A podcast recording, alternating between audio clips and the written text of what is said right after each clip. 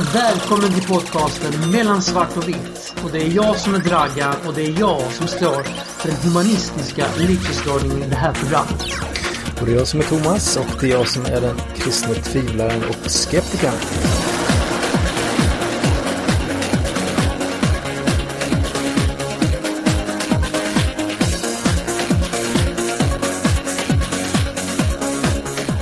Yes, Thomas. Nummer 16 i ordningen. Hur Jajamän. känns det?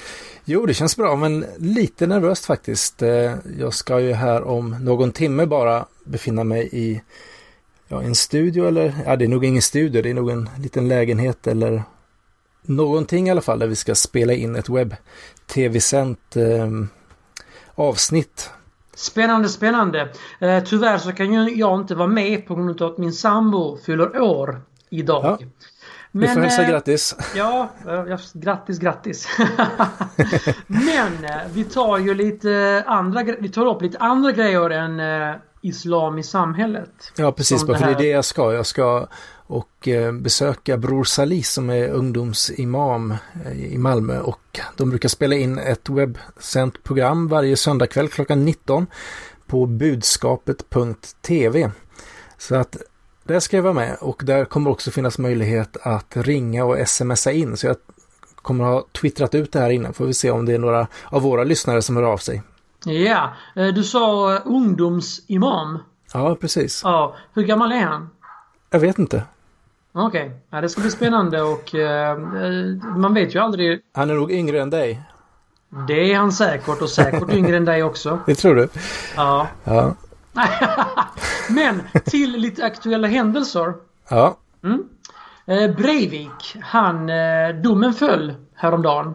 Tillräknelig 21 år plus förvaring. Vad tycker vi om det Thomas? På något sätt känns det väl som en rimlig dom, eller vad man nu ska säga, livstid är det väl egentligen, va? Eller? Det de känns har som, väl inget högre som, i Norge? Nej, men alltså det här är ju så pass allvarligt så att det blir ju förmodligen Jo, eh, precis. livstid. Och eh, jag är ju personligen väldigt glad för att de inte betecknar honom som psykiskt sjuk. För det fanns ju inga som helst tecken på att han var det överhuvudtaget. Nej, precis. Det enda tråkiga i kråksången är att han vill ju heller inte själv bli förklarad psykiskt sjuk. Så Varför att, är det eh, tråkigt? Det är ju sant. Alltså han är ju fullt frisk. Jo, Eh, precis. Han är, ju, han är ju extremt, vad skulle, jag skulle säga, det finns ju många massmördare i USA till exempel. Som även de, har få- eh, alltså de, de är inte psykiskt sjuka utan de är bara extremt elaka. Och så eh, i det här fallet Breivik då, han har ju en rätt så skruvad ideologi som heter fascism. Han är ju en fascist va?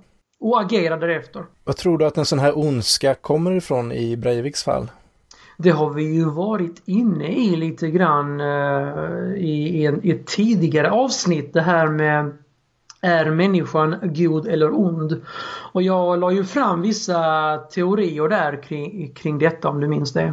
Mm. Det här med att det beror helt på den omgivning och vad man är tränad i så att säga. Hur man utvecklas som människa. Men vad har man för eget ansvar? Eller är man bara en produkt av arv och miljö? Vad har man? Har man en e- egen vilja och kan göra det moraliskt goda eller onda? Alltså den egna viljan påverkas ju av både omgivning, uppfostran etc. Jag är, alltså, den första domen var ju, den, eller den första psykiatriska eh, checken de gjorde på honom. Det var ju att han var psykiskt sjuk. Mm. Och sen så kom det en annan check då där det var tvärtom då. Han var tillräknelig. Ja, jag vet inte, jag har inte tänkt mig i alla svängar där, men eh, när Ja, jag men, såg det eh, hela så var det sådana som, som påstod rätt kraftigt att han, att han som, inte var psykiskt summa, sjuk. summa summarum var, han är tillräknelig och han fick den högsta dom man någonsin kan få. Det vill säga Mm. 21 år plus förvaring. Jo, precis. Sen läste jag idag att de troligtvis skulle ta datorn ifrån honom och det, det känns ju vettigt. Ja, varför hade han den till att börja med överhuvudtaget? Ja, det kan man fråga sig. Ja. Men eh, det är, väl, det är väl ingen som vill att han ska sitta och blogga och skriva manifester i 21 år. Nej, det känns ju som att eh, det, det känns ju inte som det är produktivt på något sätt. va- Varken för honom eller för samhället eller för någon överhuvudtaget. Det känns, det känns som han har gjort sitt alltså. Ja, vi får hoppas det. Men, eh, från Breivik till en film som jag såg i veckan, The Avengers. Och den har du också sett? Ja, den måste du ha sett på DVD då, eller? Blu-ray. Ooh. Ja, det är ju lite kvalitetskänsla i det hela för det var. Hade inte du tjock-tv? Nej, det var länge sedan. Va, var du med när jag berättade på fikabordet att jag hade tjock-tv? Jag vet inte. Nej, det kan Faktiskt. inte ha varit. Det där, det där måste ha kommit från luften, tror jag. ja, precis. Nej, jag försökte bara hitta något att reta dig för. Så att det... Ja, ja. Nej, men jag var nog en av de eh, sista som skaffade mig en platt-tv faktiskt. Efter en noggrann research. Men tillbaks till The Avengers. Japp. Eh, det var en rätt så rolig sak som jag ehm, eh, såg där. Och det är då helt apropå det jag har nämnt tidigare i avsnitt eh, gällande religionsreklam i mainstream film. Mm. Och det är då eh, i det här fallet då gällande monoteistiska gudar. Ja, Jag tycker vi kör ett klipp här. These guys come from legend. They're basically gods. There's only one God, man. And I'm pretty sure he doesn't dress like that. Ja, där hörde du ju eh, eh, den här damen som säger They are practically gods. Thor och Loke då till Captain America och Captain America precis. säger There is only one God and I am sure he's not dressed like that.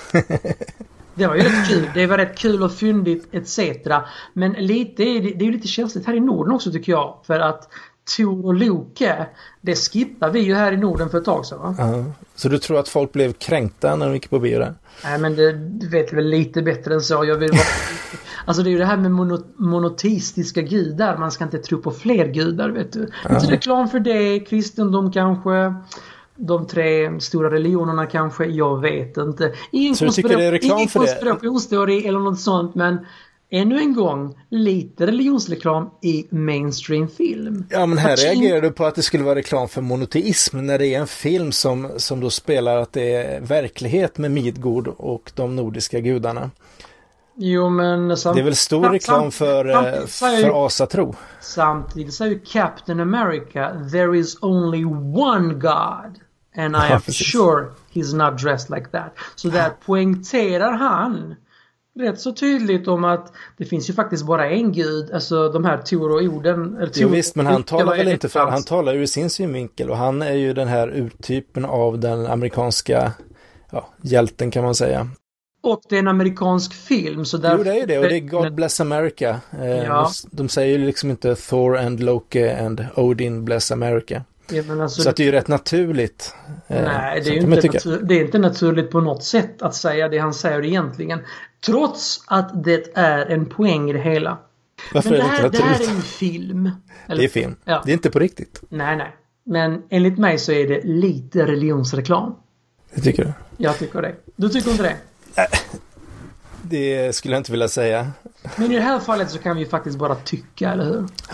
Men du måste ju vara utsatt för rätt mycket religionsreklam under dagarna Alltså tycker det, jag. det, det roliga är att... måste förfölja dig hela tiden. Nej, nej, nej, nej. Det roliga är att varje film jag ser så säger alltså speciellt när det gäller mainstream eh, amerikansk film. Så någonstans, hur banal och kast den än är. Jag kan ju bara nämna en film som, eh, det var någon hajfilm jag såg, såg om faktiskt för den var faktiskt lite spännande trots att det var en B-film. Vad fan hette den nu igen? Tänka till här. Det var några sådana här eh, hajar som eh, de hade manipulerat lite grann i hjärnan på dem för de skulle lösa någonting inom Alzheimers. Det måste du väl också ha sett den filmen. LL Cool J eh, var med i den också. Okej. Deep Blue Sea! Så All right. Ja, ja. Deep Ja, den har jag nog sett någon gång. Och jag kommer ihåg på slutet då, LL Cool J vet vem det är va? Det är en rappare. Ja, precis. Och på slutet där. När, Vilken var hans stora hit? Någon film? Nej, där han, han har ju massor med låtar. Alltså jag, jag är ju en gammal rappare. Jag kan ju rappa också. All right. Sjunga då. Och ni som vill att eh, Dragan ska rappa, ni får hemskt gärna tweeta in till, an, nej, till men- svart underscore vitt på Twitter. Alltså man kan ju inte twittra om allt möjligt här i världen. Ja, men just det. Får vi ju verkligen försöka få med på något sätt. Tillbaks till Deep Blue Sea då. Jo, eh, på slutet av filmen. Så när han brottades med den här sista gigantiska hajen. Då tog han fram ett krucifix. och körde in det här krucifixet i ögat på hajen liksom. Okay. En, eh, och sen innan dess, eh, man kan säga en halvtimme innan dess så pussade han på det här krucifixet och hoppades på att han skulle överleva och gissa om han överlevde. Det gjorde han. Det gjorde han. Så det funkar? Eh, I, i mainstream amerikansk film eh, så funkar det. Ja. Ja. Ja, nog om detta. Eh, nu så ska vi ju kanske iväg till någonting som heter Islam i samhället. Och där ska du ta rodret i och med att jag tyvärr fick ett litet förhinder. Ja, men som sagt jag är lite spänd, går och funderar en hel del på hur intervjun ska bli och så. Men det ska bli hemskt kul. Kul att ge sig in i något som man inte har gjort innan. Ja, Och eh, spännande att se om det är någon som kommer att titta också. Jag ska twittra ut det någon gång till här och köra ut på Facebook så får vi se om det är någon. det tycker jag du ska göra och här kommer det.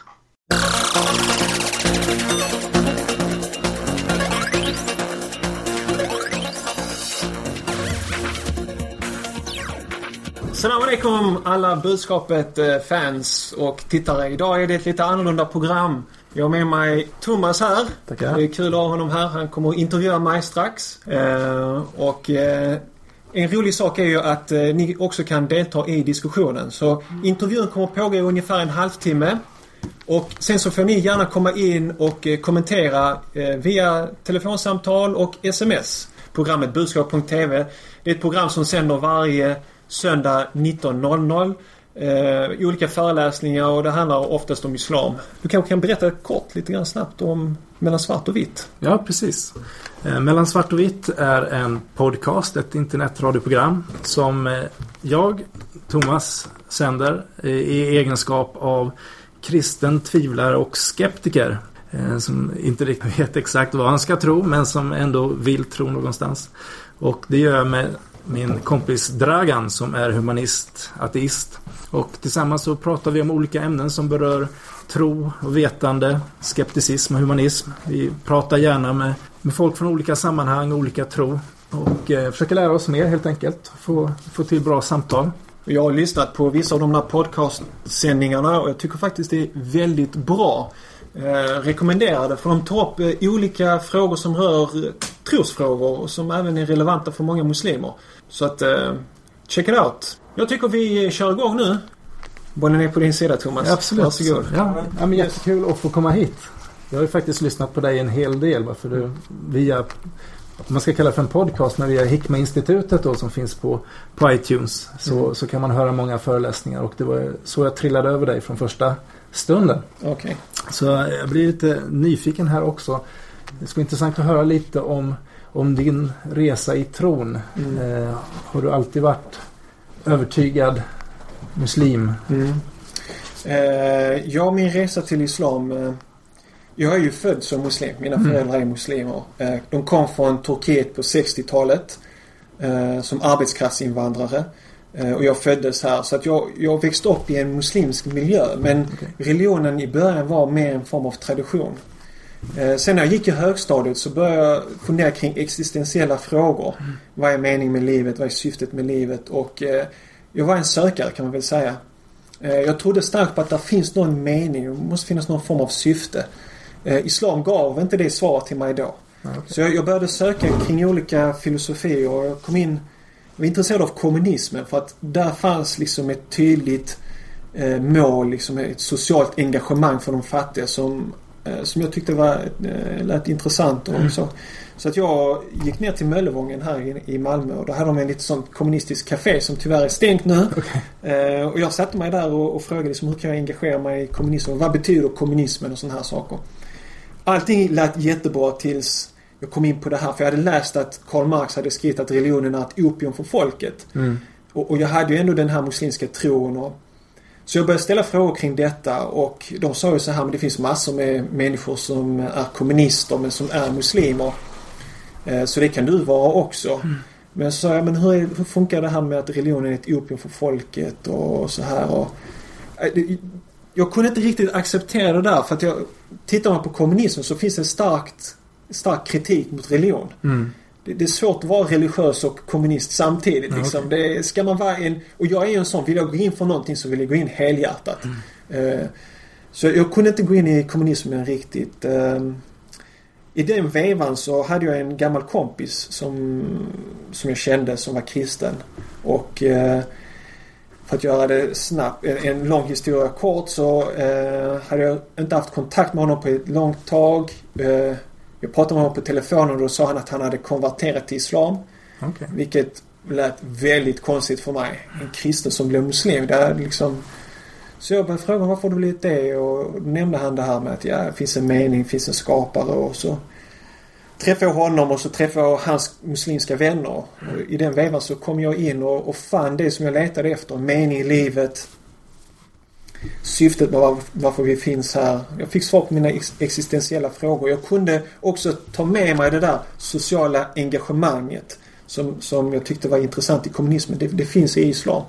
Eh, så det fick jag med där. Så på det sättet så, så började jag praktisera islam. Det var när jag gick ut grundskolan så att säga. Så, Ja, okej. så. Och sen har du är mycket aktiv förstår jag. Ungdomsimam. Ja, Det ja alltså, vad, vad innebär det? eh, det, var, det var ett radioprogram. Eh, Jag blev intervjuad av en radio eller tidningar och så här. För att jag, jag har varit engagerad. Jag har föreläst mycket. Jag har träffat mycket Mm. muslimska ungdomar. eh, Föreläst och hjälpt ungdomar på olika sätt.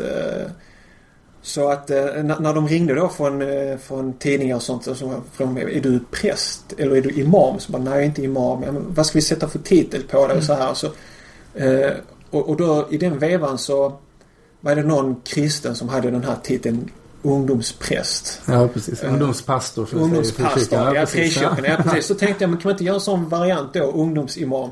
Så jag bara slog ihop det där och så hamnade det i tidningen. Så, så tänkte jag, men då kör jag på det där. Så du är Sveriges första ungdomsimam, kanske eller? Med titeln. Ja, det, det skulle man kanske kunna säga. Ja.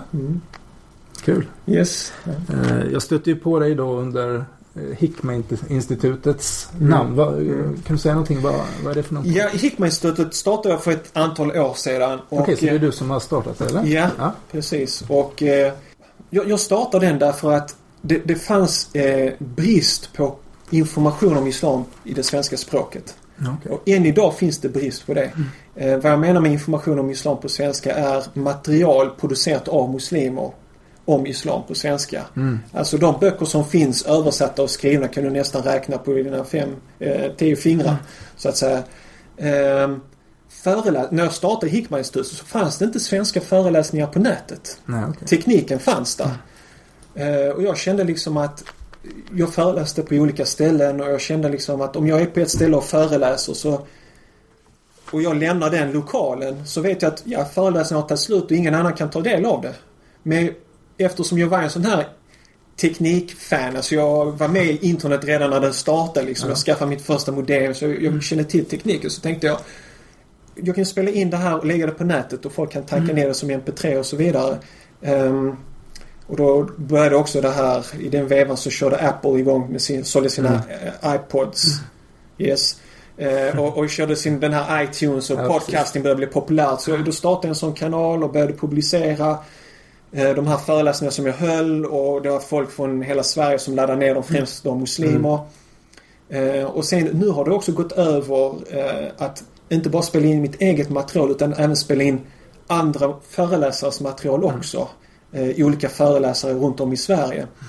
Eh, för att skapa en kunskapsbank av föreläsningar om Islam på svenska. Ja, för det finns ju jättemycket material Ja, idag ute. finns det alltså över 100 föreläsningar i mp3-format som du kan ladda ner.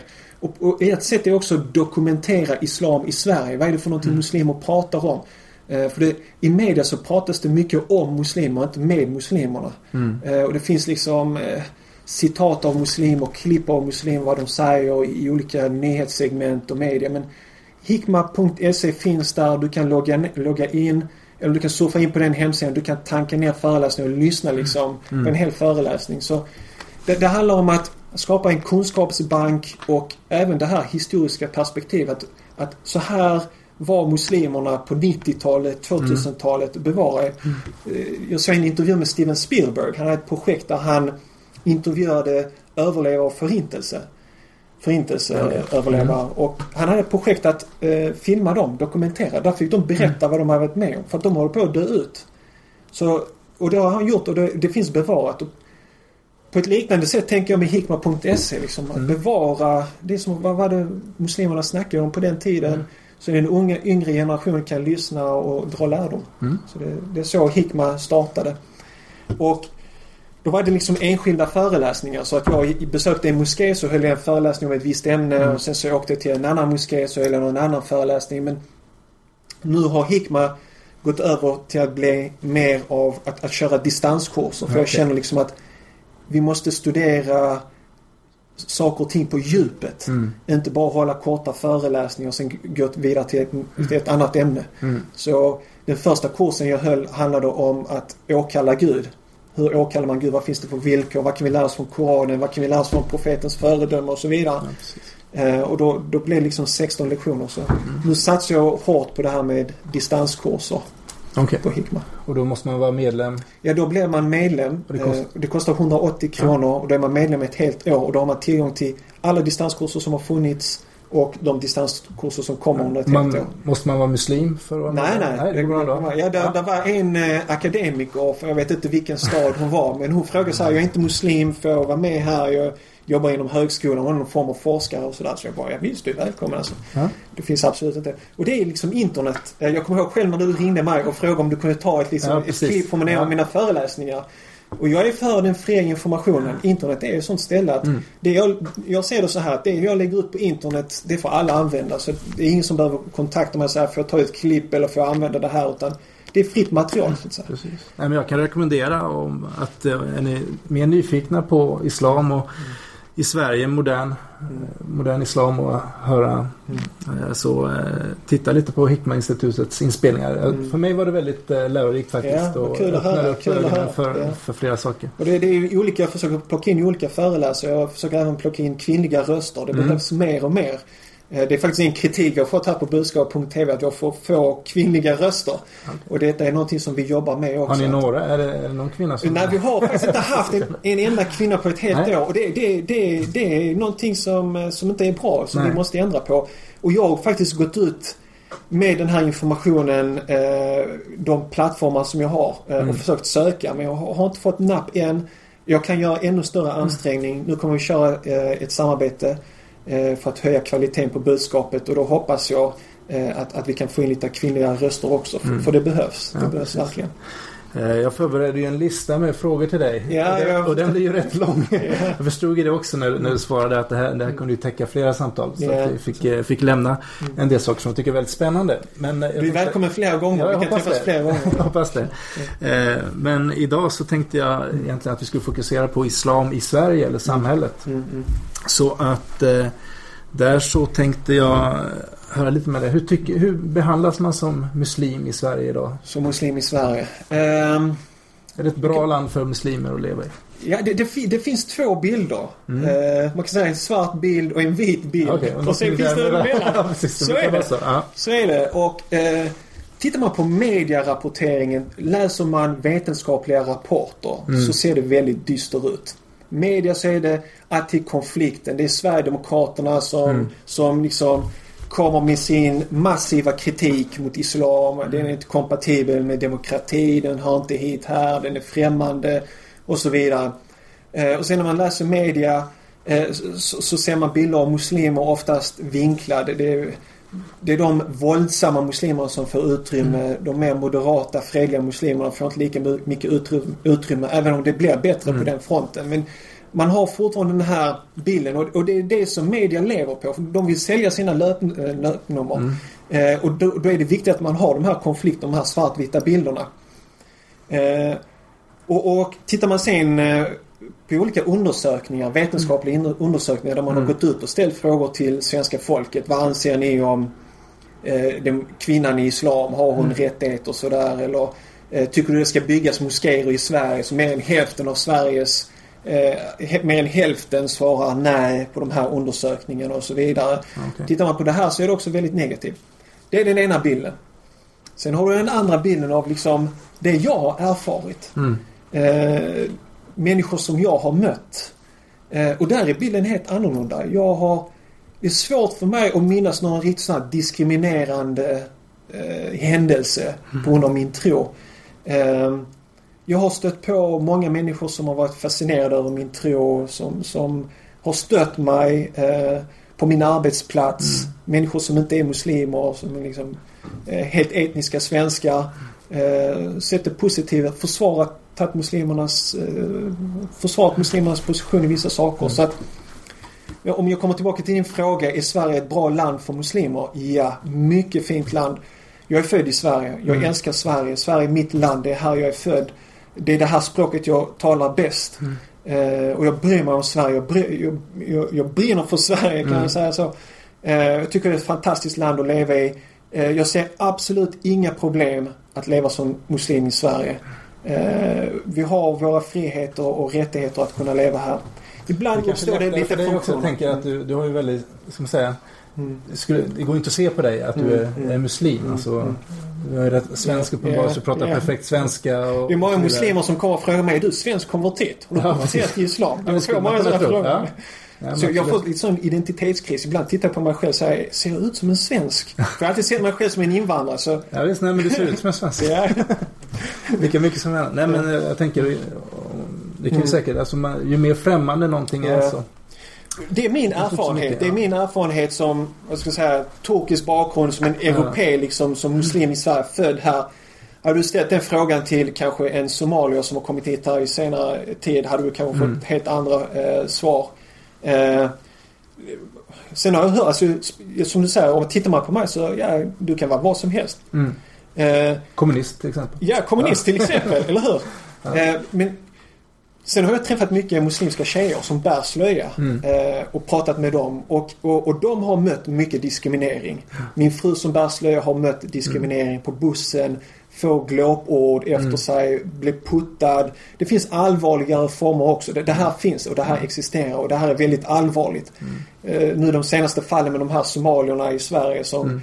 som inte kan bo trygga. De blir förföljda nästan i, i den här staden som de bor i.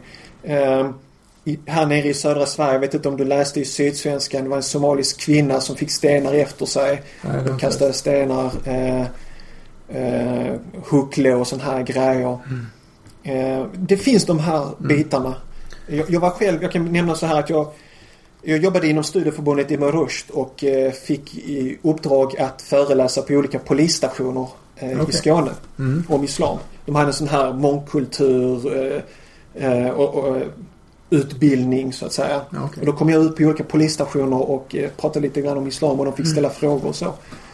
Och, och där, möt, där såg jag en väldigt tydlig och intressant sak. Jag såg att de äldre poliserna eh, hade mer fördomar än de yngre poliserna. Okej. De yngre poliserna var, eh, mindre fördomsfulla. Eh, och detta är ett hoppfullt tecken. Och detta ser jag också bland de yngre generationerna. De som har gått i skolan och haft gått i skolan med muslimska ungdomar. De har en helt annan syn på islam och muslimer än andra och den äldre generationen som har växt upp utan några Det tror jag också. Det, det märker jag också hemma. Alltså det, Mm. På skolan som mina barn går i det finns mycket muslimer och andra. Och de har ju också något arbete där som heter Abrahams barn. Ja, ja precis. Som eh, jobbar just med... med Man ser med bitarna. likheterna mellan religioner. Det är inte så mycket som skiljer där. Det finns saker som skiljer men det finns mycket som är likt också. Jo, precis. Eh, hur, hur ska man som en god muslim förhålla sig till, till samhället? Till samhället. Ja, s- som, som god muslim eh, hur man ska förhålla sig till samhället är att eh, man, ska vara, man ska vara delaktig i samhället. Man ska vara en del av samhället. Och detta är profeten Muhammeds budskap till muslimer över honom vara frid. Eh, han var en del av samhället. Vet, i, I de olika religiösa traditionerna så har det alltid växt fram lite det här med eh, asketism. Att man ska dra sig undan, eh, flytta upp på ett berg, in i en grotta, gömma sig undan, dra sig bort från det världsliga. Det är förbannat och det ska vi inte ha med, det är för mycket. Så. här. Men tittar man på profeten Muhammeds liv, över honom vara frid, och även de andra profeterna och sändebuden, så ser man att de var delaktiga i samhället. Men de hade också den här biten där de drog sig undan. Profeten Muhammed, Ja. över honom var frid, han hade sin grotta som han drog sig undan. Man behöver den här tryggheten i tillvaron. Man behöver ha den här eh, Eh, att komma nära Gud. Men sen så är man en del av samhället. En del av de bekymmer och problem som samhället går igenom. Och försöka bidra positivt till samhället. Eh, detta tror jag är en viktig utmaning för muslimer och en annan fråga också för muslimer, en utmaning, är att kunna identifiera sig med det folket som finns här. Mm. Profeten Muhammed i Mekka och, i Medina, han identifierade sig med folket och med deras problem och bekymmer. Han var en del av det där folket. Och detta är en utmaning för oss muslimer därför att det finns grupper av människor som vill att vi inte ska vara en del av samhället. Inom islam menar du? In, ja. Inom islam och Mm. även utifrån Ja. främlingsfientliga krafter. Som främlingsfientliga krafter som säger Rosengård, de segregerar sig. De vill inte de vill inte ha jobb, de vill inte vara en del av samhället. De vill bara utnyttja oss och ta socialbidrag och så här. Mm. Det finns den kraften. Sen finns det även bland muslimer som har missförstått sin tro som säger att de där är smutsiga, eh, otrogna, de tror inte på Gud. Och Mm. Kanske varför- inte nöjda med de samhälleliga värderingar eller Ja, lagar som finns Ja, heller. precis. Eh, Men, men enligt min förståelse av Islam, det är inte det korrekta. Utan det är att identifiera sig med folket. Eh, eh, ha kärlek för folket och, och jobba för det goda. Sen så finns det liksom olika åsikter om vad är det goda och vad är det som är bra. Och det är helt okej. Och, det, och, och det är därför vi har samhället som man kan debattera de här frågorna. Eh, och det är på, de, på de, den värdegrunden som vårt samhälle vilar på. Mm. Jo, jag tänkte på det. Eh, nu förra veckan så fick vi ställa in på grund av att det var aid. Ja precis och jag hade glömt bort att det var Eid. Jag hade planerat allting. Ja, och så kollade jag min kalender och Nej. det är Eid. Är det den största högtiden? Det är, det är den muslimernas största. julafton? Ja, skulle man kunna säga. ja. Det är den största muslimska högtiden. Det är att eh, fastemånaden har avslutats. Är det alltid på en söndag eller? Nej, nej, den skiftar. Eh, Det är en månkalender så den, den eh, Okej. skiftar sig under, under årets gång. Men, men just hur, hur upplever man det här nu när vi har en växande muslimsk befolkning också? Att, Mm, att inte ha egna helgdagar? mm. De flesta muslimer försöker lösa detta med sina arbetsgivare. Okej. Och eh, de flesta skolor löser detta utmärkt. Alltså, Så man försöker hitta lösningar Ja, man hittar lösningar. Eh, Man kan ta ledigt från skolan Mm. och de flesta skolor, om man vänder sig till eh, rektorn i god tid och Mm. säger att det här är den muslimska högtiden. De flesta rektorer ger eh, en ledigt.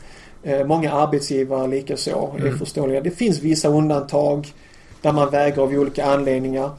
Eh, Det finns ju olika politiska lösningar på det här. Eh, Socialdemokraterna kom med ett förslag som jag tycker är väldigt intressant. Att man får en bank av helgdagar som man själv kan disponera under årets gång så att säga. Så att om man är muslim och inte firar julafton och inte behöver ta ledigt då så kan man vara inne och jobba. Mm. Det beror också på vad man har för arbetssituation. Är man lärare som jag är det liksom svårt att komma in till skolan på julafton och jobba. Vad ska man göra? Eh, Men det finns andra i, arbetsplatser där ja, det behövs arbetskraft under julafton eller andra högtider. Och då, då kommer de med ett förslag att man har liksom dagar som man själv kan placera ut. Jag tycker det låter väldigt intressant. Ehm, Men annars så lyckas man snickra ihop det mesta själv. Men firar du någon typ av sekulär Svensson-jul? Med Nej, och så? det- För jag menar, ja. det, är, vä- det är väldigt lite kristendom i det egentligen. Ja, så precis. Den sekulära julen. Mm. Nej, jag gör inte det. Jag, jag firar inte jul. Eh, det, det var aldrig en del av vår tradition när Nej, vi växte upp med familjen och så. Men det är klart att jag, alltså när det är jul och, och man tänder alla de här ljusen ute Mm. och, det är mysigt. Att, att, att jag tycker att det är mysigt och en skön Men det, det kan ändå kännas. Jag kan känna det, är där, ja det kan jag göra. Men jag, jag, firar inte det, jag firar inte det på ett religiöst sätt. Nej, okej. Men jag kan tycka att det är, det är en härlig stämning. Jag är inte jättepå Jag har kollat lite på det här med, med sharia och den Mm. religiösa lagen. Mm. Om, man, om man hör en del debatter och så vidare när det är hetskt och det är liksom mot muslimer och så vidare så menar man Mm. så brukar man liksom vifta med sharia-lagen och säga att det är det här som kommer att hända om eh, Ja, det. invandringen ökar. Men hur, hur, ser, hur, ser, hur ser ni på det här med sharia-lagar? Mm. Är det någonting som, som, ni, som används Mm. inom vissa områden eller skulle ni vilja att det användes mer? Ja, alltså sharia-lag är väldigt brett. Mm. Och det som eh, kritikerna brukar syfta på egentligen är inte sharia-lagarna i sig utan det är hudud-lagarna, alltså de straff som finns om man utför vissa brott och Det är så. ofta kopplat till eh, man säga, familjesituationer. Ja, situationer. Ja. Alltså det är väldigt brett så man måste specificera vad är det för inom sharia man Mm. pratar om. Pratar vi sharia, det är Guds lagar och bestämmelser. Mm. Och som, som muslim som är troende då så accepterar man Guds bestämmelser och lagar. Och Mm. man följer det så gott man kan. Men sen så bor man i Sverige som är ett sekulärt samhälle. Eh, med mångfald. Och det, det är klart att jag kan liksom inte leva ut vissa delar av sharia-lagarna. Vad gäller till exempel kriminalitetsstraff och sådana här saker. Mm. Jag kan inte implementera det. Jag bor här och jag följer den lagen som finns här och jag respekterar den lagen som finns här. Och sharia-lagarna är inte ämnade för Sverige, det är ämnade för det muslimska landet, nationen. Så sharia-lagar kommer att implementeras i till exempel Egypten eller Saudiarabien. Det får de bestämma, det får de rösta om och så vidare. Men jag kan inte komma och bo i Sverige som inte är ett icke-muslimskt land och hävda att jag vill ha sharia-lagar här. Att om någon stjäl eller gör någonting sånt så ska det vara det här och det här straffet. Nej. Det, det, Men, är, men är det så att eh, men eh, de är giltiga om du säger och om de inför det i till exempel Egypten så, har du en förståelse för det. Ja, ja, ja. ja det, det, det är Guds lagar eh, och bestämmelser. Och om de i Egypten eller i ett annat muslimskt land säger vi vill ha de här lagarna eh, och, och vi tror på de här. Fine, är- det är deras bestämmelser och, och det gäller för dem. Men, men att vara rädd för att man ska införa sharia-lagar i Sverige, det, det, det ser jag inte. Dum fråga. Vad skulle hända om vi hade en muslimsk eh, majoritet? Det, är en bra fråga. Jag vet inte hur det här, vad som hade hänt. Nej. Alltså hur, hur det hade sett ut. Eh, Men det, det får de det får de komma fram till med de samhällsstrukturer som finns. Mm. Förstår jag menar? De lagar och bestämmelser som finns. Det finns ju vissa lagar och bestämmelser i, i Sverige som ingen kan rucka på hur det än ser ut. Mm. Så att eh, ja, jag, jag har svårt för, för att se hur det skulle Ja, för en skillnad där mellan alltså, så här, kristendom och islam det är att Mm. många liknande lagar finns ju i Gamla Testamentet och den judiska Ja. traditionen. Men det har man ju på något sätt Mm. ja, med att ja, Jesus uppfyllde lagen och det var Mm. nya spelregler på något sätt. Ja. Medan eh, ja, det finns kvar inom islam, Mm. De här Men, bitarna. men om, man, om man tittar till exempel på det ottomanska samhället. Mm, mm, Eh, de fanns ju, det var utbrett även in i Europa och liksom den muslimska delen av världen. Om vi tittar på Balkan där mina föräldrar har sina rötter och Ottomanska riket. Och vad jag läst om den här historien är att sharia-lagarna gäller för muslimerna. ja, okej. Sharia-lagen gäller inte för de kristna eller judar eller andra. Och detta är väldigt viktigt att tänka på att sharia-lagar är någonting som gäller för muslimer. Vi kan inte påtvinga någon annan sharia-lagar. Så det här, om det implementeras, om det blir en majoritet i Sverige Ja. och det skulle bli diskussion om sharia-lagar så är det någonting som gäller muslimerna. Det är inte någonting som drabbar Men det är ingenting som, som Och- liksom och där- är den muslimska gemenskapen när man är minoritet. Alltså som, Ja. som i Sverige. Mm. Det är inte så att det finns en alternativ liksom. Eh, det finns ingen alternativ domstol inom det Nej, men, muslimska men, samhället. men, men om man tittar på till exempel äktenskap och sådana här saker. Mm. Så liksom när, är det, när gäller en skilsmässa och hur gör man med arvsrätt och sånt. Där finns Ja. vissa skillnader och då kan det uppstå lite konflikter. Och det här har varit mycket i, i diskussion i media och så vidare. Men, men jag är av den an, eh, åsikten, och det finns en bror här som är expert inom det området så att han borde egentligen ta det framför mig. Men det går, jag, jag är helt övertygad om att det går att hitta en kompromiss Mm. Eh, mellan sharia-lagar vad gäller just det här med äktenskap och så, den svenska lagen. Och brodern här kommer att undersöka det här. Hitta en kompromiss, ett sätt att kunna leva som muslim här. Och, och vi måste respektera den lagen som finns här. Det, det här är ett absolut eh, krav därför att eh, det ingår i medborgarskapet att man måste följa den lagen som finns här. Eh, så att ehm, det är jätteviktigt. Och, och tyvärr är det så att vissa muslimer har inte riktigt förstått den biten.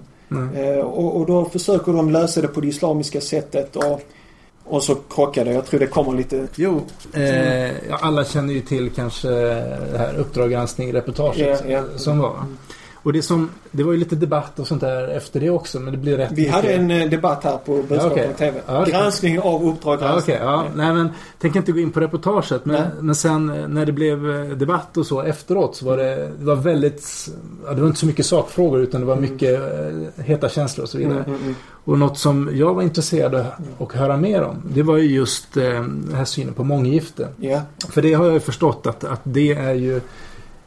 Det är inget snack egentligen att, Mm. att det är en del av eh, den muslimska traditionen. Att den finns, att den lever, att det står Mm. beskrivet i Koranen och så Mm. vidare. Då att man som muslim kan ha upp till fyra fruar, ja, eller hur? precis. Som man. Som man, ja. Ja. Precis. Ja.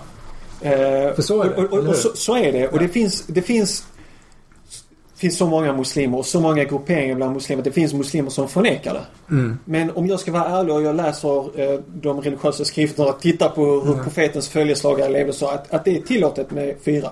När profeten Muhammed, må Gud skriva av honom, eh, eh, kom med sitt budskap och de här verserna uppenbarades i Koranen att en man kan ha fyra. Det var en begränsning för araberna. De Okej. hade liksom hur många som helst. Okej, ja. Så det blev en begränsning för dem som var bara fyra. Eh, eh, Men det finns i vår tradition. Och hur gör man då i Sverige? Om jag lever i Sverige och här är en lag som säger att du får bara gifta dig med en. Mm. Vad, vad gör vi då? Eh, och här är det ju en konflikt kan man så säga. Sharia-lagen som ger mannen rätt att gifta sig med fyra. Svensk lag som säger nej. Då är det så här att det finns ingenting i Koranen som, som påbjuder att du bör gifta dig med fyra eller du ska göra det här. Utan det går bra att gifta sig med bara en. Om jag som muslim har valt att bo i det här landet av egen fri vilja Mm. Och blivit medborgare i det här samhället så har jag mina skyldigheter och mina rättigheter. Min skyldighet är att följa lagen. Och då följer jag den lagen som finns här. Och som lagen säger att jag kan bara vara gift med en, då är jag bara gift med en och det fungerar jättebra. Mm. Eh, för så fort, och jag vet att det finns vissa muslimer som, som, inte, som inte håller med mig. Nej. Som, som gifter sig med fyra och skippar lagen och de säger ja, Låt dem ta mig. Då säger jag att jag är gift med en och har tre flickvänner. Vad ska de göra då? Ja. Förstår du vad jag menar? Ja. Men det finns en juridik. Vad händer om de skiljs? Vad händer med arvsrätten? Vad händer? Då är det bara den kvinnan som har rättigheter. Vad händer med de andra tre flickvännerna? De har inga rättigheter överhuvudtaget. Men hur vanligt är det här egentligen? det är inte vanligt. Nej. Det är inte vanligt. Är, I den muslimska världen så är det väldigt få procent som, som har ett månggifte. Alltså gift med eh, fler än en hustru. Och jag, jag säger så här till muslimer som lyssnar på det här programmet också. Att, att vi måste följa lagen här. Och sen en annan sak är att månggifte funkar i ett samhälle som är uppbyggt och där det här är accepterat. Alltså månggifte, jag är muslim, kommer från en muslimsk familj, turkar. Att vara gift med mer än en hustru, det är lika stort fel eller anses tabu eller konstigt som det är här bland svenskar. Även om de är muslimer och de är medvetna om den här traditionen. Så, och det är bland massor med araber också. Om du kommer och du säger du är arab och jag har tre hustrur, tror inte att alla kommer att applådera utan många kommer att se ner på dig. Vem är du? Vem tror du att du är? Och sådär. Fastän vår lag ger oss den rätten enligt sharia. Så är det, inte, är det så- inte lite risk för högmod där också? För om, om jag förstår det hela rätt så en, en förutsättning för att du ska kunna ha fler fruar Mm. det är att du ska kunna älska alla lika mycket. Ja, precis. Och det låter ju som en liksom, Omöjligt. övermäktig... ja, eh, precis. Men det finns, en vers, det finns en vers också i Koranen som säger att du kommer aldrig kunna älska dem eh, lika mycket alla fyra. Men Nej. det är viktigt att du måste vara rättvis mot alla fyra. ja, okej. Eh, och det, det gör man så gott man kan. men, men vad händer i, i till exempel den muslimska församlingen här i Malmö om det kommer då in en, eh, en ny medlem eller en ny Mm. familj där de lever? Församlingarna, jag, jag kan säga så här, ja, de, de största församlingarna som har vigselrätt, de viger Ja. inte. Eh, de enda, vad man gör det här är att man gör det här un, under bordet eller underground. Om man Ja. säger så här, då är det någon som bara, ja men jag viger er i Guds namn så nu är ni nu är gift med Ja, henne jag också. tänker, det kan vara någon som Och det- kommer till landet också eh, Och är gift med flera. Ja, Ja, det eller, finns sådana eller fall åker också. utomlands och gifter sig med ytterligare någon. Det finns sådana Så- fall och oftast leder det till problem. Ja. Men, men vad gör man inom det muslimska samfundet då? Mm. Ehm, jag polisanmäler man. För det, är- ju liksom mot svensk lag. Det är bigami och så vidare. Ja, eller- alltså, vet, eh, man, man, man försöker lösa saker och ting genom att rådge varandra. Mm. Det, det liksom finns inte där, det, det är samma sak om det är problem hemma. Det, det första är inte att man lyfter telefonen och bara polisanmäler. Nej. Utan man försöker rådge personer att det här är inte det bra, du borde inte göra det här, det här kommer inte fungera. Eh, och det, det, det finns, jag kan ju bara säga det här att jag, jag sa det här att månggifte fungerar i ett muslimskt samhälle där det finns en acceptans, där samhällsstrukturerna är uppbyggda för det här. Mm. När man försöker implementera det här med månggifte i ett samhälle och i ett klimat där det inte är accepterat så funkar det inte, det håller inte. Många gånger. Det blir väldigt problematiskt och det ser vi många fall av. Eh, skilsmässor och andra problem som uppstår Mm. när män försöker gifta sig med fler än en hustru.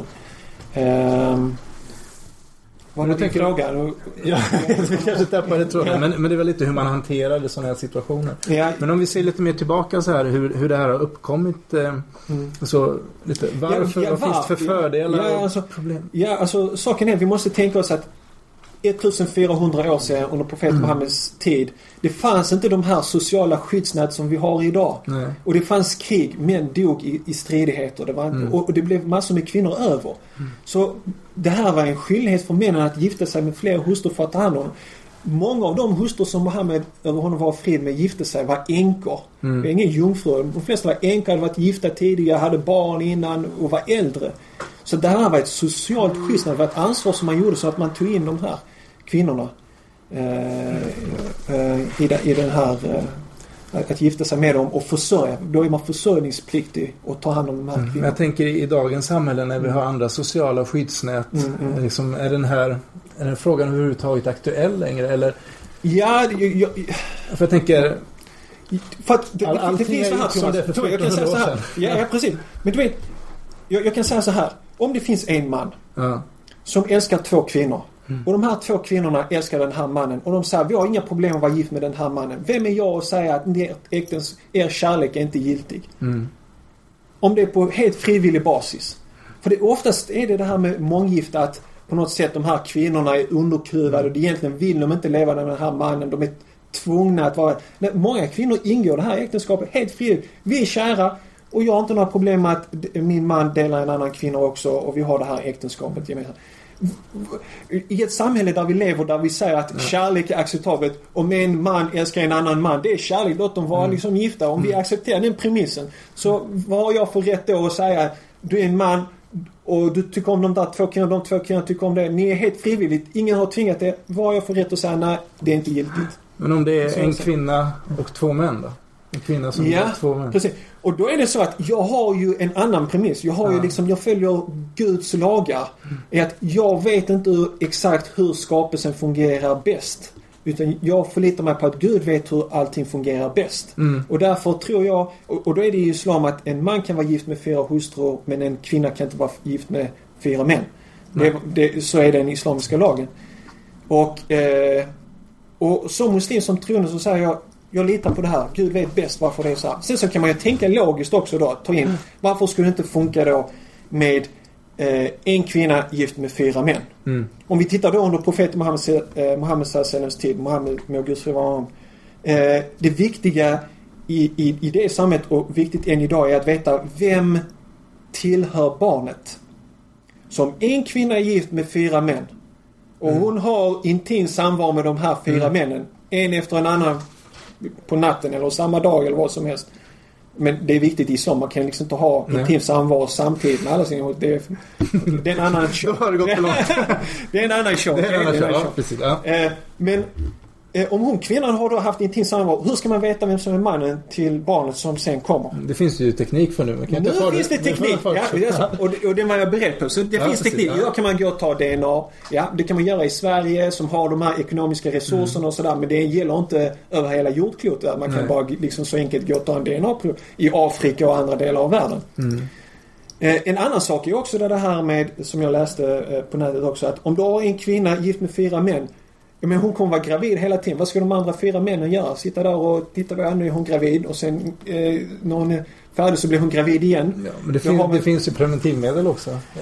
Eller? det gör det också det. Eh, Men i det muslimska äktenskapet så är det ett syfte av det här intima samvaret är barnen. Produktion. Mm. Det är klart, det finns också den här njutningen finns också med. Mm. Men det finns också med det här att man ska också avla barn och så vidare. Men, men jag vet, jag kan hålla på här Mm. Ja, rationellt. kan man väl. Men många skulle mena att det här är kvarlever från ett gammalt patriarkaliskt eh, samhälle. Mm, mm. Eh, som liksom inte har förändrats. Ja, precis. Man kan se det så. Mm. Eh, eller så kan man se det att, att jag tror att det är så här. Eh, det är instiftat från, från Guds sida. Och sen kan man komma med olika rationella. Vet, sen kan man hålla på. Jaha, eh, du vet vissa muslimer räknar statistik. Det finns mer, fler män än kvinnor. Så vad ska jag... Nej, det finns fler kvinnor än män rent Mm. statistiskt. Så vad ska de här kvinnorna göra som inte gifter sig med män? Man kan hålla på så här. Men, Vi nämnde det lite innan här du sa här att om, om en man älskar en man och så vidare. Alltså, Mm. Pågår det överhuvudtaget någon debatt inom den muslimska världen kring homosexualitet? Ja, och det så har funnits från, från första början. Eh, homosexualitet är inte en ny företeelse. Nej. fanns under profeten Muhammeds tid. Frid vara med honom. Lärde har diskuterat detta. Och, och vad de lärde gör skillnad på är homosexuell handling Mm. och homosexuella tendenser. Okej. Så i den islamiska traditionen så det finns utrymme för homosexuella tendenser. Alltså det, det kan finnas i människan att man har en, en sån här intresse av det samma könet. En sån här inklination. Och, och vad de lärde är att då måste du liksom försöka hantera den där. För homosexuell handling enligt traditionerna, de religiösa traditionerna så är det förbjudet. Mm.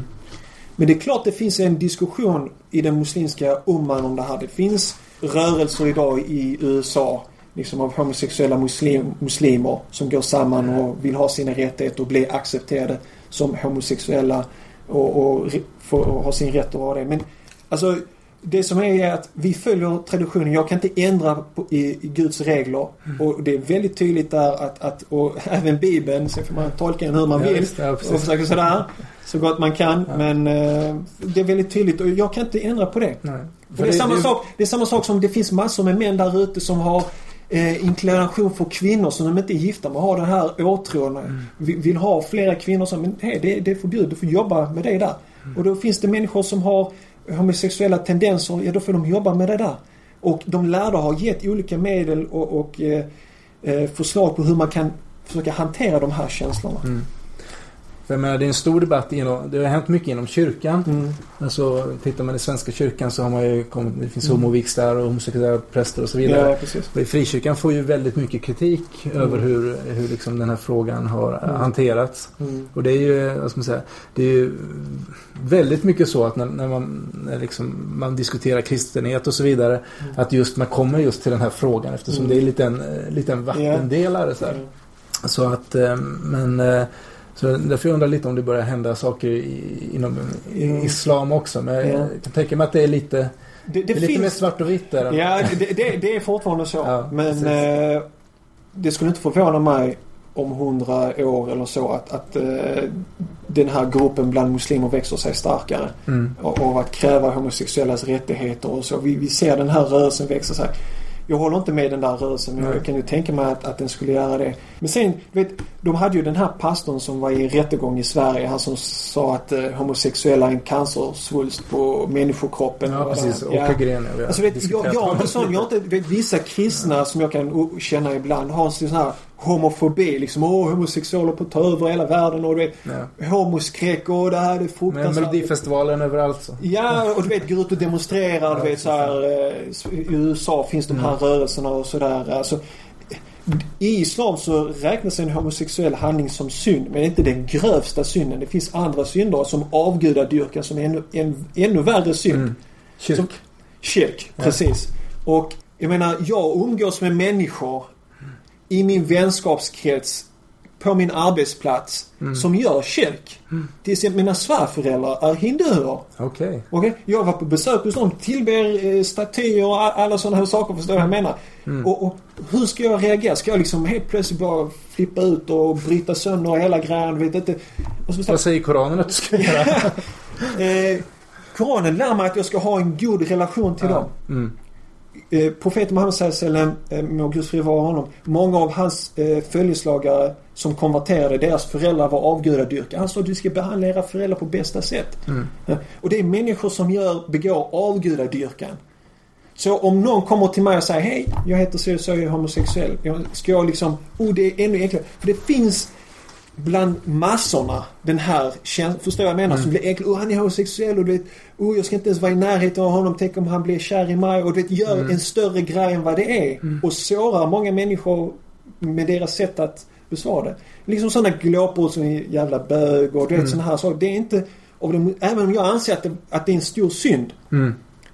Så, så är jag inte en sån jävla bög eller liksom gå och demonstrera ner med homosexuella och sådär. Jag, jag skulle hellre vilja ha en dialog med dem och diskutera med, med dem.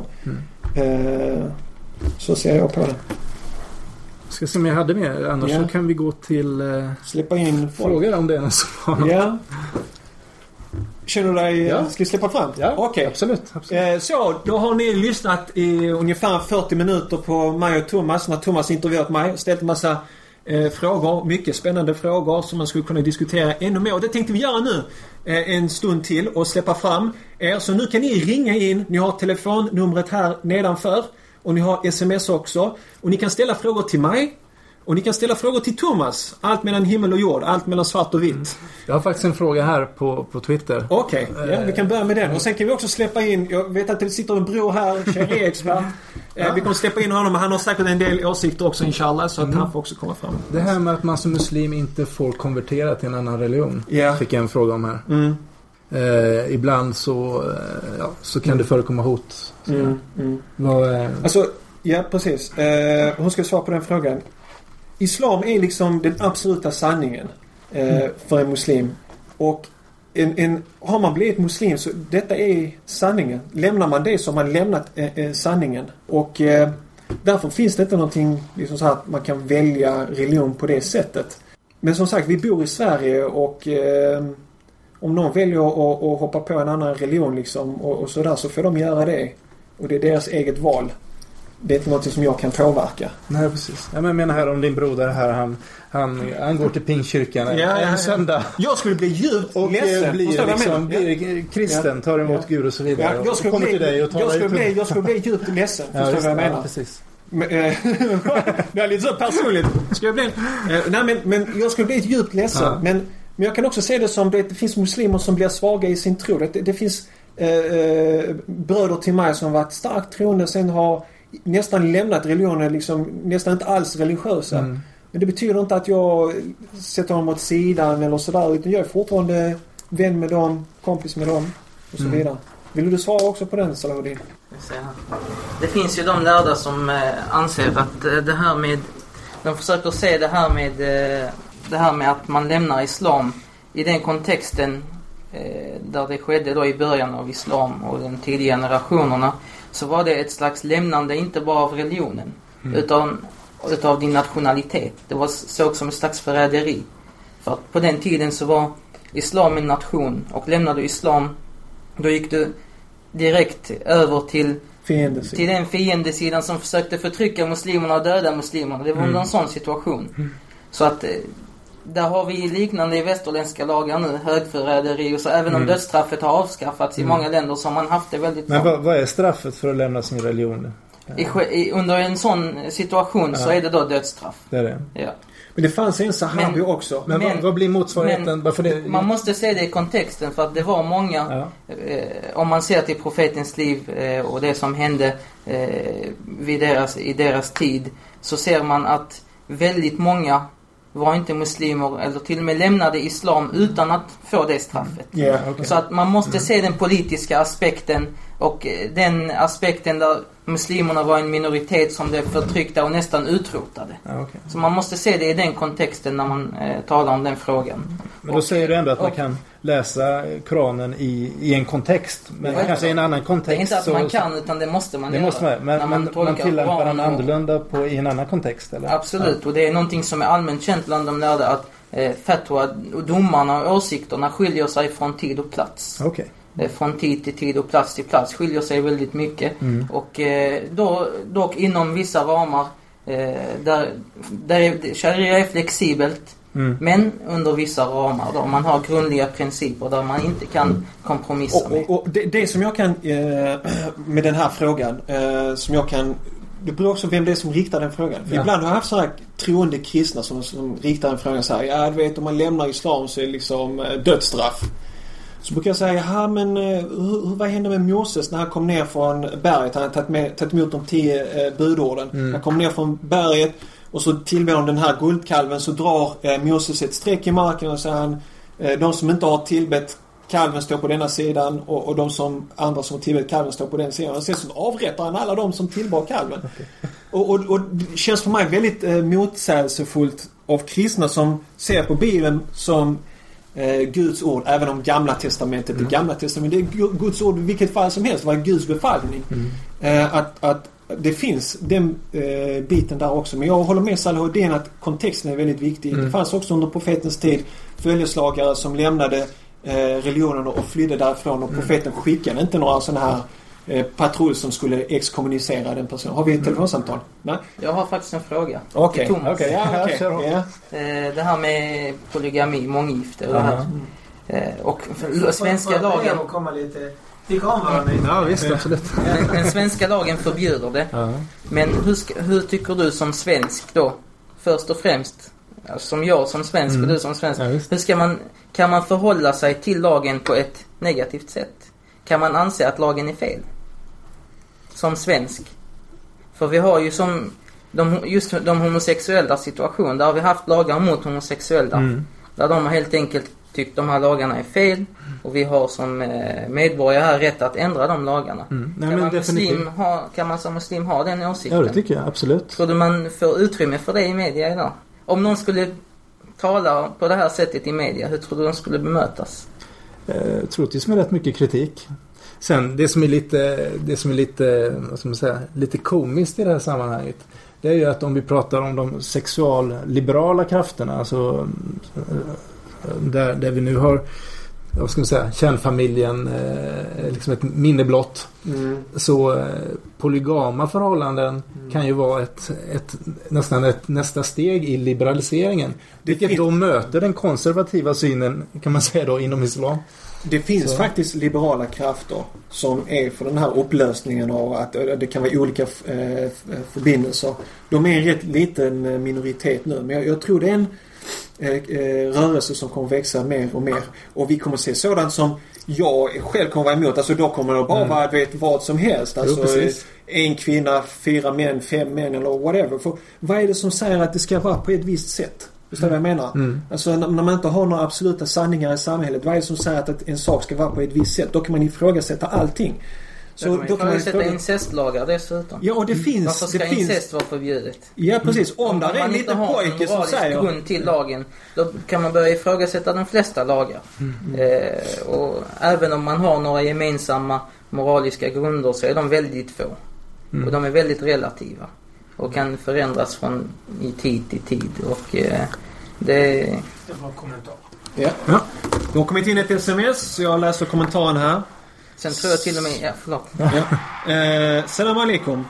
Tänkte på det här med kvinnor och fler män och jag som muslimsk kvinna tackar Allah att vi inte får ha fler män. Tänk all tvätt, disk, städ och annat man måste ta hand om i samtidigt. Hälsa på svärföräldrar, ta barnen till skolan och så vidare och än- ännu värre om männen bodde i olika hem. Då hade man ju aldrig fått en minut över till annat. Något att tänka på. Ja okej, tack för den kommentaren. En hälsning till den här kvinnan är kanske att de skulle få männen att jobba lite mer med Man kan göra det vända på steken så också. Ja, precis. Ja, Vad gäller svenska lagen tror jag den ger utrymme för... Ni nämnde det här med att om han gifter sig utomlands ja. och kommer. Jag tror det finns utrymme för att tillåta ett sådant äktenskap. Det, jag vet att det var så tidigare. okej. Bara några år sedan. Jag känner inte till det nu. Så att egentligen är det inte någon moralisk fråga i där. Utan då har man sett att inom den svenska lagen ges det utrymme för månggifte. Om det sker i ett land där det är tillåtet. Och sen han hämtar med sig de här Ja, det, fruarna. har, det har jag inte koll på. Det får man kolla upp med en Ja, jurist mer exakt. Men jag har för Ja. mig att det är så. Jag, jag minns att det är så. Och där kan man ju utgå också från och föra diskussion. Är det här verkligen ett moraliskt eh, ämne eller Mm. är det en direkt eh, teknisk legalitet som måste diskuteras, juridisk grej som Mm. ska diskuteras. Mm. Och det är något som oftast inte kommer upp ens i diskussionerna. Därför låter ju väldigt, alltså bara hålla ihop en vanlig familj och liksom få det fungera med en fru och barn och så vidare. Det är ju Absolut. liksom en diger uppgift bara det. Ja, precis. Så att, eh, ja. Och också, alltså man måste ha... Man måste ha ekonomin och liksom... De flesta De- skulle inte uppfylla villkoren för, Nej, för nej. att ha ett månggifte enligt islamens Ja, idag i vår ja, samtid ja. här i Sverige. Ja, skulle precis. de flesta inte uppfylla de villkoren. För det är väldigt strikta villkor. Ekonomiska villkor och så vidare. Och de, eh, av att studerat eh, muslimsk rättslära så kan jag säga att de flesta skulle inte uppfylla de villkoren. Mm.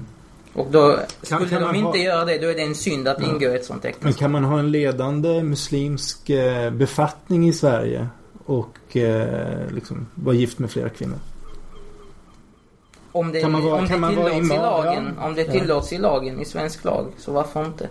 Mm. Men om det, om det inte, om man kommer fram till att det inte görs det då? Mm. Ja, det skulle vara svårt för, Mm. som en representant för Mm. islam i Sverige att samtidigt bryta mot lagen. Mm. Eh, Det skulle det vara. Någonting som jag försöker tänka på när jag lyssnar mycket på den här debatten som pågår. Jag har varit utomlands nu ett Mm. tag. Så jag kommer lite utifrån och ser på vad som sker här i Sverige.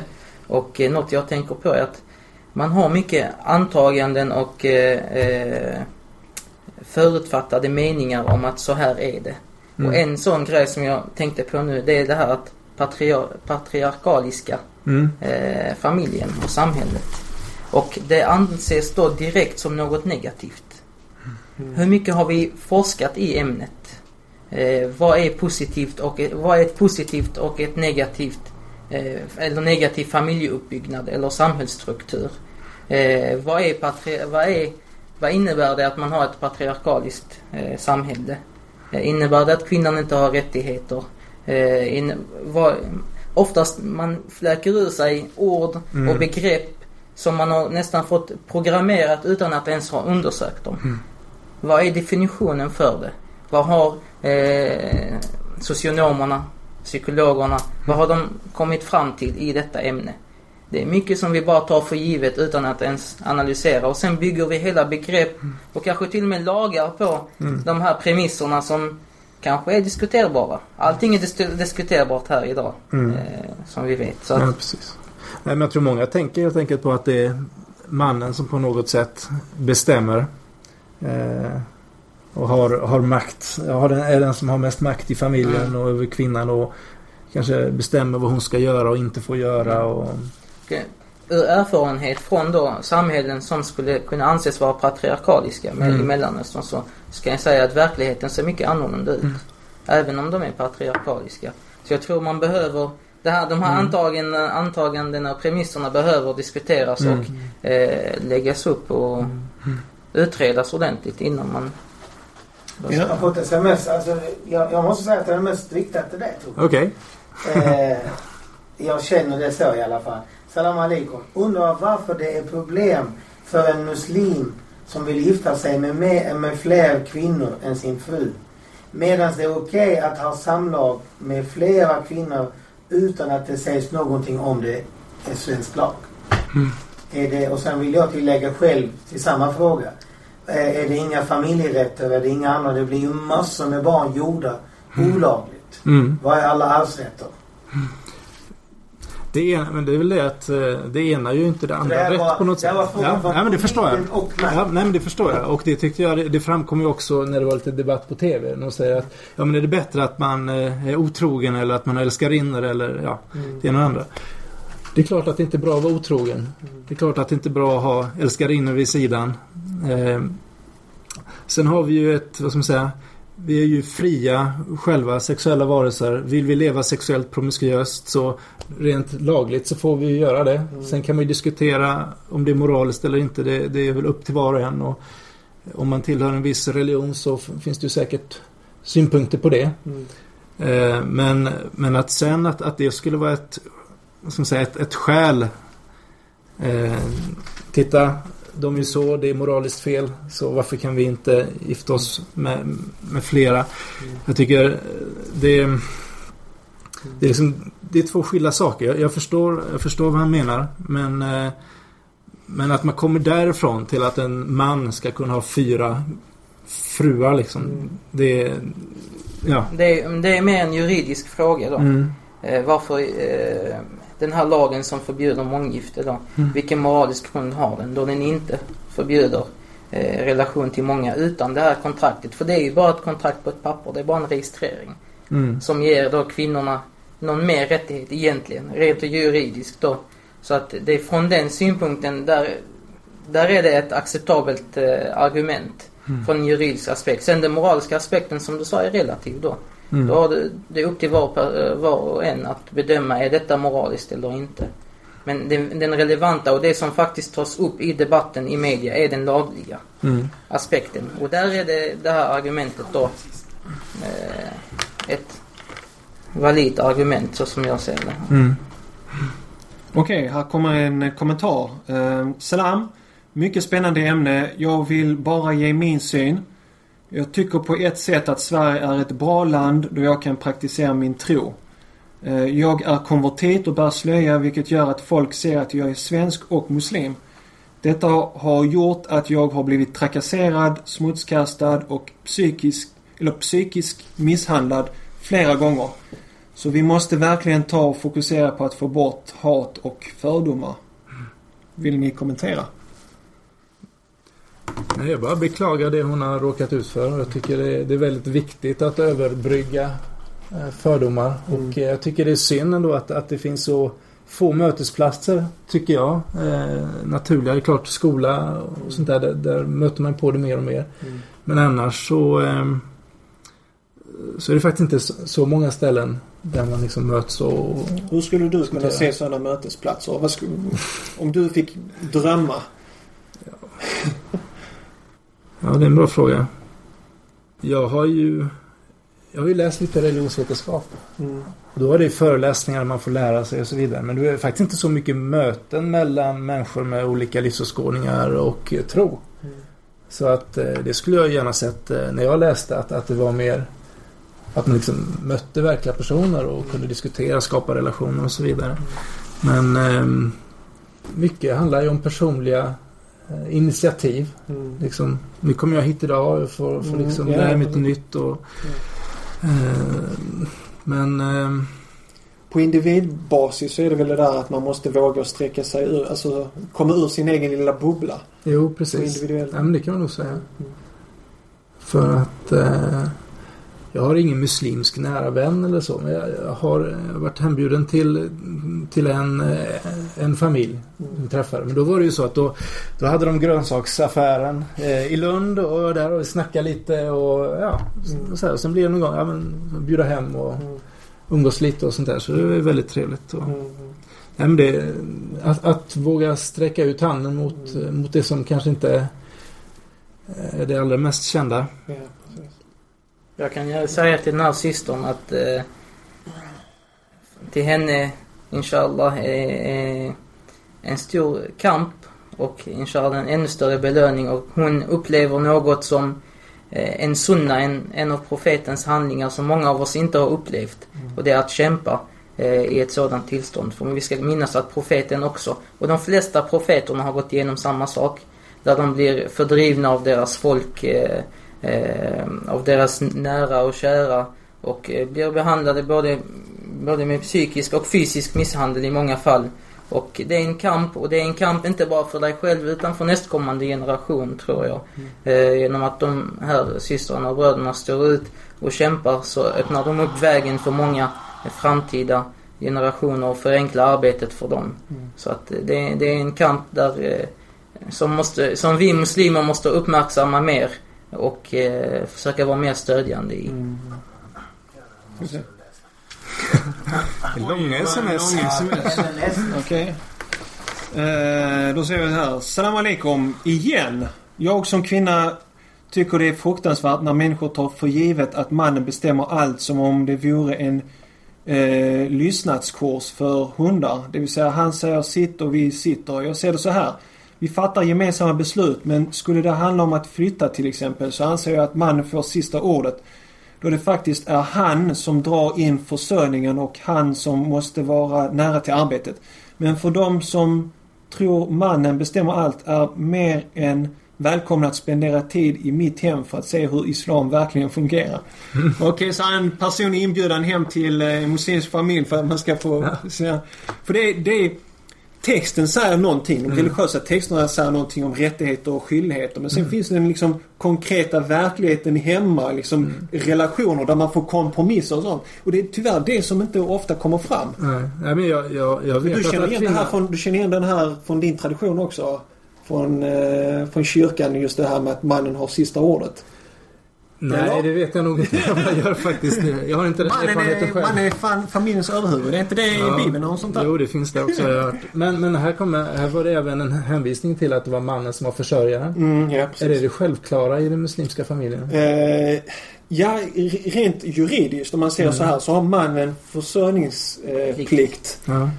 Eh, och, och han måste försörja familjen. Men kvinnan har rätt att ha ett arbete. Men hon är inte eh, förpliktad att försörja för mannen. Så allt hon tjänar kan hon ha för sig själv. Ja.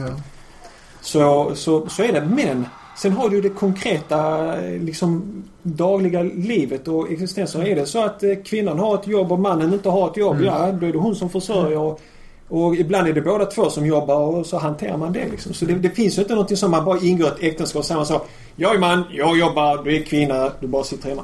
Det finns sådana som gör så också. Men det, Kvinnan är uppmuntrad att spendera men det anses vara en allmosa. Ja, Eh, en precis. välgörenhet. Okej. Medan mannens eh, spenderande på familjen är en plikt. Därför jag, jag menar som det är nu också så att det är det är faktiskt fler kvinnor som, alltså generellt sett, som, som läser högre studier Ja, precis. och så vidare. Och det, det gäller väl säkert också till viss del kan jag tänka mig inom den muslimska Mm.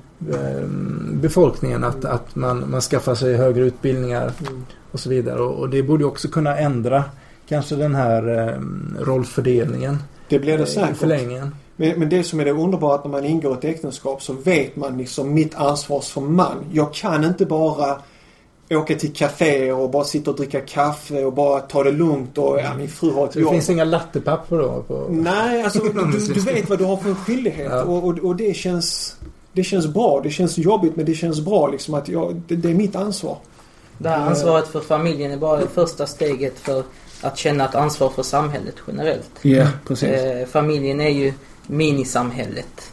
Mm. Eh, och en miniatyr av sam hela samhället. Så att det här, eh, den här plikten som Islam sätter på mannen eh, för försörjning av familjen är även en plikt på honom att känna eh, närvaro och eh, försörjande av samhället i stort. Mm. Och det är någonting som är positivt så vi. Mm. Jag tror tiden har kommit till sin till slut. Vi tackar er alla som har lyssnat och, och tittat. Jag tackar Thomas för att Ja. du kommit ända hit från Lund. Det är Ja. söndag. Det är Ja, jobb precis. imorgon. Det det. blir sent. Tusen tack för att du kom. Tack för att du fick komma. Yes. Och eh, alla ni där som tittar, fortsätt titta på budskap.tv söndagar klockan 19.00. Och Thomas, om man vill lyssna på dina poddsändningar. Precis. Mellansvartovitt.se eller sök på mellansvart och vitt på iTunes och prenumerera. Ha en trevlig fortsatt söndagkväll. Salam alaikum. Trevlig kväll. Nästa vecka är det barnens rättigheter i islam med Mirwais. Salam alaikum.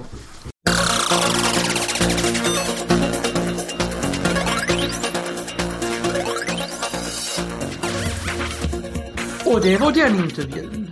Och nu så eh, ska vi till veckans bibelord. Thomas, what's that? Jo, veckans bibelord är hämtat från Johannes 14 kapitlet, vers 21-26.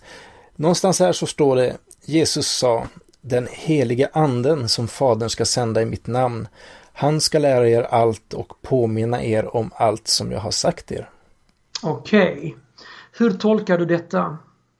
Ja, det talas ju om i Nya Testamentet att efter Jesus åkte upp till himlen så skulle den heliga anden komma. Mm. Och eh, jag kan inte säga att det är min bästa gren inom andligheten. Men eh, tanken är ju att, eh, att då Guds ande ska kunna vägleda en i vardagen. Eh, vägleda en när man läser Bibeln. Mm. Okej. Tyresö vann 5-1 mot Piteå. Okej. Damallsvenskan. Mhm. Okej. Ehm. Eh, vill du veta min tolkning av det hela? Ja, gärna. Gärna. Eh, jag skulle nu vilja gå tillbaks till ett... Jag, jag, jag för mig att... Har- Jag, går inte jag alltid tillbaks till gamla avsnitt? Jo, det gör det nog, men det är ju... Men jag gör det nu igen. Det här tycker jag är ett klockrent bevis på det jag sa i ett tidigare avsnitt. Det vill säga att Gud är en diktator. För att lyssna på vad han säger. Den helige anden som Fadern ska sända i mitt namn, han ska lära er allt. Alltså, ursäkta mig. Och påminna er om allt. Som jag har sagt er. Är inte det lite diktaturfasoner egentligen? Nej, men vet du vad den heliga anden också kallas i Bibeln? Alltså heliga anden och alltså det är ju det här trefaldigheten. Jag vet men vad den kallas, den kallas för hjälparen. Alltså tanken är ju att, eh, att, eh, att den ska vara till hjälp. Och här är det också i det här bibelstället så står det att han ska hjälpa er och lära er och påminna det om det som Jesus har sagt när han var på jorden. Okej, och Så att, så, så att, eh, att det skulle vara någon diktator här, det är ju snarare då en, en hjälpare. Mm, mm, ska vi... Ja, ja, okej. Men, men jag och du Thomas, vi har jag måste säga, jag har, väldigt, jag har väldigt svårt liksom för när man, när man liksom börjar tala om den heliga anden. Gud på något sätt kan man ju, Men är inte Gud, Jesus tänk- och någon till samma person? jo det är den heliga anden Ja, som är den Precis. tredje, att i den är mystiska ju, Då är det ju treenigheten. Gud som säger detta. Ja, det Ja. får man väl säga. Och det här känns som lite diktaturfasoner. Du tycker inte det? Nej, det vet jag inte. Men, men som sagt, alltså Gud, det tror jag ändå, det, det, kan många filosofera över, att det kan ha funnits något som har satt igång allt. Och, och Jesus, då har man ju den här historiska personen som man kan förhålla sig till på ett eller annat sätt. Men den heliga handen blir väl som allra mest luddig. Ja. Ja, som allt annat i Bibeln. Men men, eh, från veckans bibelord till veckans ateistcitat. Och det lyder så här. You've got to question a story where the fruit of knowledge is forbidden. Den är lite vitsig. Ja, visst är den. Och tyvärr kan jag inte säga vem det kom ifrån för den är från någon som är anonymous. Tyvärr. Mm. Jag tycker citatet säger en hel del. Jag, jag behöver nog inte förtydliga så mycket där. Ja, det heter ju kunskapens frukt, äpplet yeah. i lustgården. Ja, och den ska man ju inte ta, en, ta bita i enligt Bibeln, eller? Nej, då skulle man ju få då skulle man ju få på något sätt kunskapen om vad som är rätt och orätt. Och det är ju och, inte okej okay då enligt Bibeln. Alltså någonstans det som menas sen. Nu har jag satt lite i pottan. Ja, du har ju, sitter jag på pottan. Jag behöver lite potträning tror jag. Eller vad tror du? Försöker det med min ja, vi, tvååring. Vi, vi, vi, kommer nog få eventuellt lite, lite tweets om detta. Okej, okay. ja kanske det. Men om jag ska du, försöka... Du klarar pot... inte av detta? Eller klarar ja, av men om jag, jag får potträna lite här får jag se. För jag menar det är sådana här frågor som jag jobbar med själv också. Så att jag har ju liksom inte schyssta, smarta, jättefrälsta svar på det här. Men, eh, men på något sätt så är det väl så handlar det väl om när man som människa eh, anser sig ha, jag vet inte, bättre svar än Gud eller så. När man, när man gör sig själv större och Gud mindre på något sätt. Mm, förklara det lite tydligare. Så köpte inte det? Vad sa du? så du köpte inte det så? Inte alls. Ja, okay. så förtydliga gärna. Det är väl när vi tror att vi själva vet vad som är rätt och fel hela tiden så kan vi så kan vi liksom eh, ja vad ska man säga? Jag vet inte, det är du som ska förklara här. du behöver hjälp jag. Men jag, jag, kan tyvärr inte hjälpa dig. Nej, heliga anden hör inte av sig heller. Nej, hur ska vi tolka detta Thomas? Övergår nu du äntligen till att bli ateist eller humanist? Nej, men Kom jag... igen nu. Nej, precis. Jag säger inte att jag kan tolka alla religiösa dogmer eller idéer. Men i alla fall, mm. jag försöker en gång till. Okej. Okay. Att eh, när vi själva som människor tror att vi har all kunskap och förklaringar på allt då blir vi lätt högmodiga, övermogna och behöver inte Gud längre. Mm. Eh, och det är väl det på något sätt, om man tittar på det första budet i Bibeln, eh, det är att du ska inga andra gudar hava jämte mig. Och eh, vad man lätt gör är kanske att man gör, sätter sig själv högst och sig själv till Gud. Och det är väl kanske när man tycker att man själv vet bäst. Men vad har det med, vad har det med kunskapens träd att göra och den här frukten som man inte får? Ja men det har nog lite med det att göra. Och, eh, det, det, låter som det du försöker, det låter som du försöker koka lite soppa på spik här faktiskt. Nej, men du, du vet att saker är eh, eh det är inte bara att, att, läsa ett ord rakt upp och ner och sen tycka det är skit. Utan det finns liksom Nej men alltså om du kollar på sagan nu som den är beskriven så, så ska man ju inte ta ett, eh, ett, en frukt från kunskapens träd. Det ska man ju inte göra enligt Bibeln. Why not? Därför att det var det enda som Gud hade sagt att de inte fick göra. Varför fick man inte göra detta? Du kan väl be lite över det ikväll? Be? Jag att, ber Att den helige anden ska uppenbara det för Alltså, dig. inget svar. Det är ju inget svar på det. Nej, men jag har ju försökt säga. Men vi kan ja. gärna gå in och... Eh, Fast du lyckades inte riktigt. Vi där. kan gärna gå in och ha ett samtal med någon eh, lämplig person som bättre kan förklara vi, tycker, vi, vi säger som så här, om någon nu kan förklara det lite bättre än vad min kära kollega Thomas kunde, för han lyckades ju inte sådär jättebra med det. Så får ni gärna twittra in och kanske få eh, lite, lite space i mellan svart och vitt. Det är inte helt fel. Nej, precis. Mm. Och glöm inte att Dragan ska rappa också. det har inte jag lovat. Men i alla fall, eh, vi får väl hålla här för idag. Ja. Och tack jättemycket ni som har lyssnat. Och, hoppas att ni fortsätter. Så häng Yes. med. Snart kommer lite eftersnack och ha det riktigt gott till nästa vecka. Och då, Ja. Ja, och då. för då har vi ytterligare en gäst. Och eh, det är ingen mindre än Tommy Hedström från eh, Känd från podcasten Vettig Trams men har också en hel del andra saker på sin lyra så att det ska bli väldigt spännande och prata lite med honom. Goodbye. Goodbye, hej!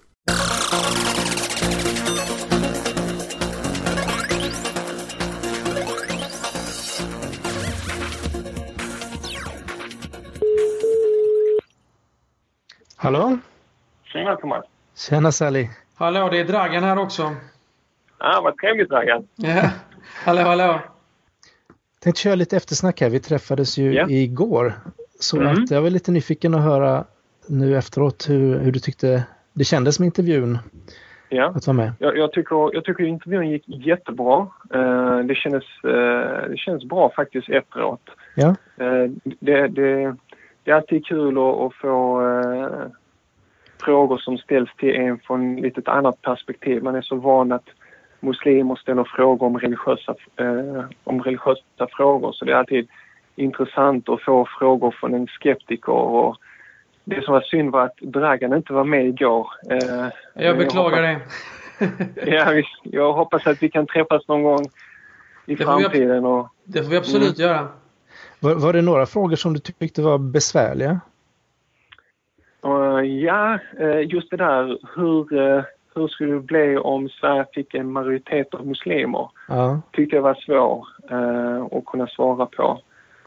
Så eh, det... det eh, ja, jag, tycker den, den är en svår fråga att Ja. kunna besvara. ja okej. Nej, men jag tyckte som sagt eh, det var ju lite spänt innan. Det var en ny situation för mig både, Mm. eh, både och eh, diskutera den här typen av frågor med, Mm. med eh, ja, muslimer och ja, det är ju väl pålästa också. Ja.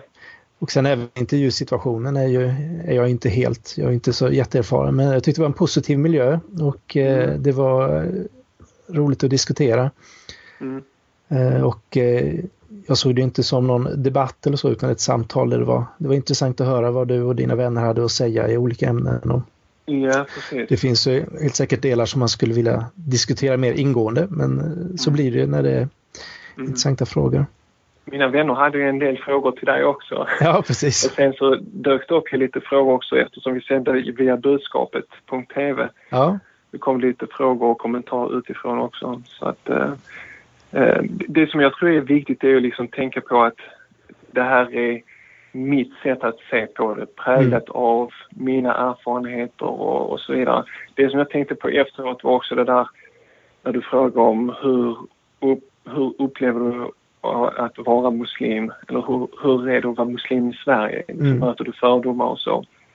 Och då sa jag liksom att, att det är väldigt positivt och sen så så la du den där kommentaren. Ja, men du ser nästan ut som en svensk. Du pratar bra svenska, du är uppväxt här. Men hur är det för en annan muslim med en annan bakgrund? Och det var faktiskt en tankeställare att den erfarenhet jag har av Sverige kanske inte delas av alla. Så det, det är väldigt viktigt att tänka på det att det, det är svårt för att prata för en grupp eller en religion liksom. Utan det, det är väldigt präglat utifrån min erfarenhet, tid och plats och så. Ja.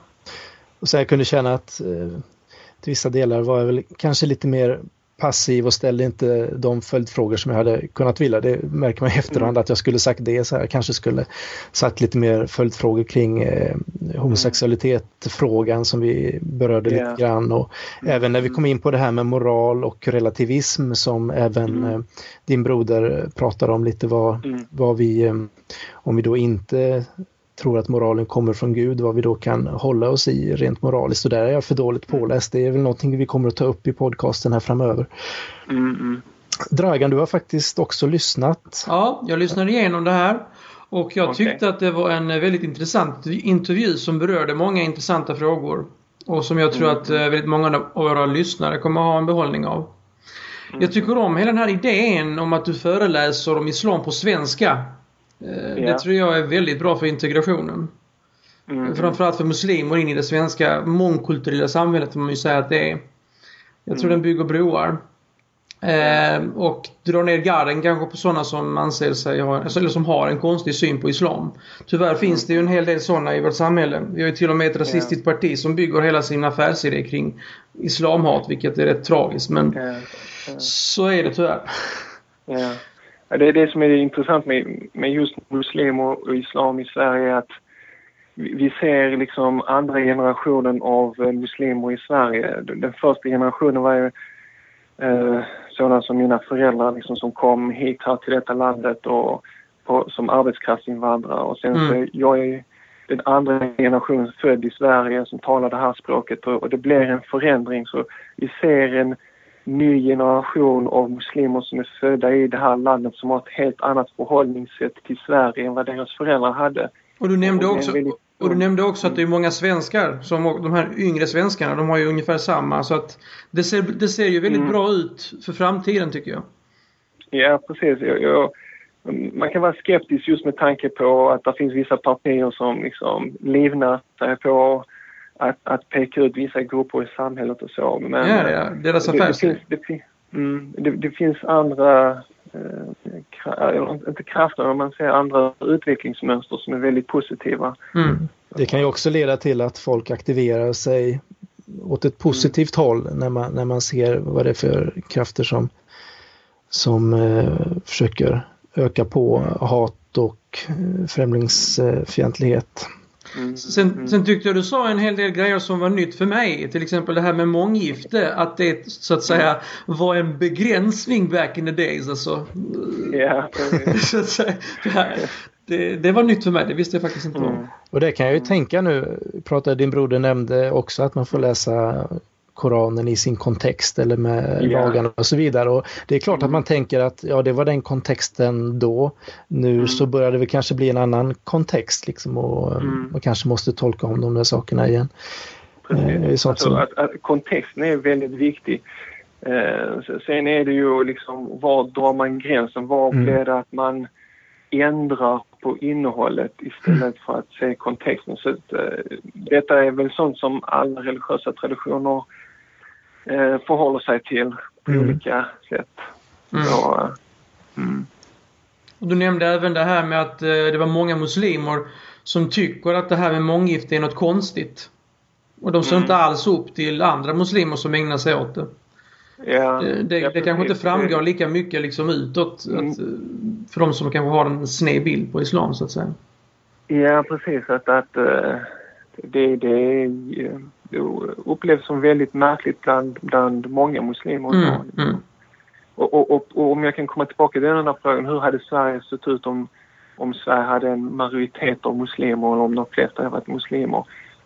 Ja, alltså om vet, muslim behöver inte innebära att man är liksom eh, fanatisk, har ett fanatiskt förhållningssätt till sin religion eller är liksom djupt praktiserande eller troende. Det, det finns, jag menar majoriteten av muslimer i Sverige är inte så praktiserande eller så här bokstavstroende som många muslimer är som föreläser. Mm. Eh, Och det Mm. är viktigt att tänka på liksom att, eh, att, eh, att, att vara muslim kan vara på många, många olika sätt. Jag har själv en definition av eh, vad det innebär att vara muslim men det finns andra definitioner också. Så Mm. att, eh, det är därför det är så svårt att svara på den frågan. Hur hade Sverige varit om det hade varit många muslimer? Ja, det kanske inte hade varit så mycket annorlunda än vad det är idag. Mm. Eh, så, Det finns väl många sekulära muslimer som inte alls ber.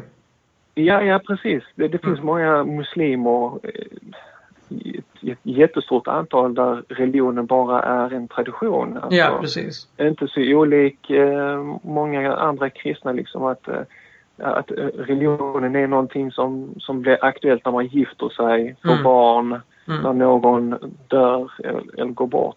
Alltså man kan, man kan säga att de lever ett Svenssonliv fast på islams vis. Ja, ja, ja, ja precis. Det, det är eh, helt korrekt. Vad kallar man en muslimsk Svensson? En muslimsk svensk Nej, Svensson. Finns det något liknande så här? Jaha, du, du tänker på det i- i- bland muslimer? Ja, precis. Nej, alltså, vi, vi brukar eh, prata praktiserande och icke-praktiserande muslimer. Ja. Men det, det finns inget Och- efternamn eller sånt där som man eh, använder för att... Ja, nej, jag, jag, nej, inte vad jag kommer på nu. Nej. Nej, på rak arm finns inte. Nej. eh, mm. Ja, Det, det var intressant. Praktiserande och icke-praktiserande medan vi säger troende och icke-troende. Alltså Mm, mm. att det... Ja, det, det, det finns intressant någonting skillnad. Det där. Ja, en intressant skillnad. Jag, jag, om jag får själv bara så här snabbt eh, reflektera över det så är det väl... Jag, jag tror att muslimer försöker undvika att, att mäta tro eftersom det, det är någonting som är dolt i bröstet på människor. Det är någonting som bara... Alltså alla, alla, alla tror... Ska man säga att alla tror men eh, de praktiserar mer eller mindre så att säga. Ja, precis. Men, men klart praktiserandet baserar sig på sin tro. Har du en stark tro Mm. så kommer du praktisera religionen och har du en svag tro så kommer du inte praktisera den. Men, Ja, det säger sig självt. ja, men, men samtidigt, jag vet, själva handlingarna behöver inte alltid reflektera det som finns i hjärtat i heller. Där har vi hy- hycklarna liksom som kan vara väldigt fromma utåt men som i- sitt bröst inte är troende. Så Mm, det, det är så svårt att, att kunna, kunna mäta tro och kunna mäta vem som är nära Gud och inte. Mm. Jag hade ju den där föreläsningen, Trampa inte denna värld med, med högmod och sånt där Ja, precis. inbillt högmod och, och där jag citerade ett, ett eh, passage från Bibeln, från Nya Testamentet och, som jag tycker är väldigt intressant om där Jesus ger en liknelse om en rabbin som går in och ber och så en sån här skattindrivare. Salih, Salih du, du har ju läst Koranen. Har du även läst Bibeln? Ja, jag har även läst Bibeln.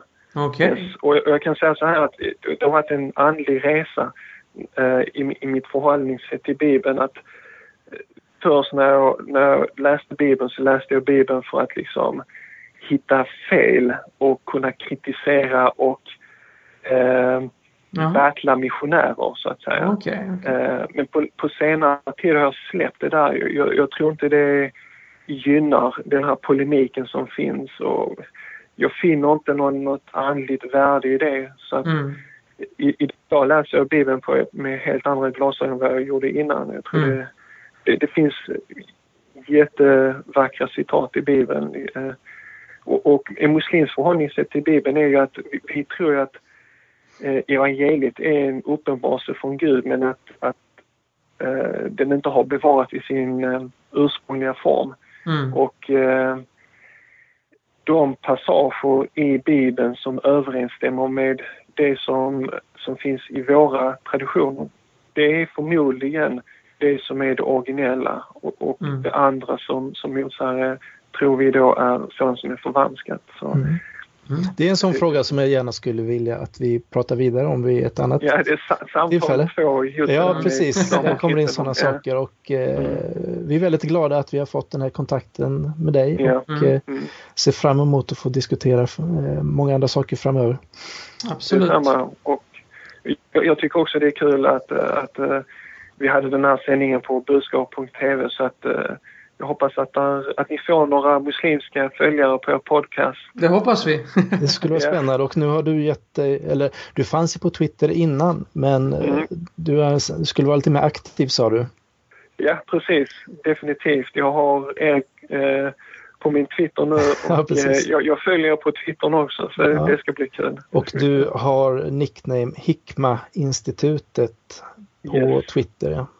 Ja. Hur, hur kommer det sig att de här episoderna inte är så att säga tillgängliga sen efteråt? Om man missar dem så att säga. Vil- Vilka episoder tänker du på då? På live-tvn så att säga. Att man kan se dem i efterhand om man missar dem. Ja, ja jo, vi, vi tänker så här att vi, vi, kör ju livesändningarna och vi vill att folk ska följa livesändningar. Vi, vi, vi, är lite rädda för att om vi lägger upp de här livesändningarna på nätet så blir folk lite bekväma av sig och tänker att ja, men jag behöver inte följa direktsändning, jag kan se det i Ah, efterhand. okej, okej, okej. Så Mm. vi, vi vill, men ibland gör vi undantag och tycker att det här programmet var bra så, och viktigt och då Mm. publicerar vi den så att den finns på nätet. Okej. Eh, yes.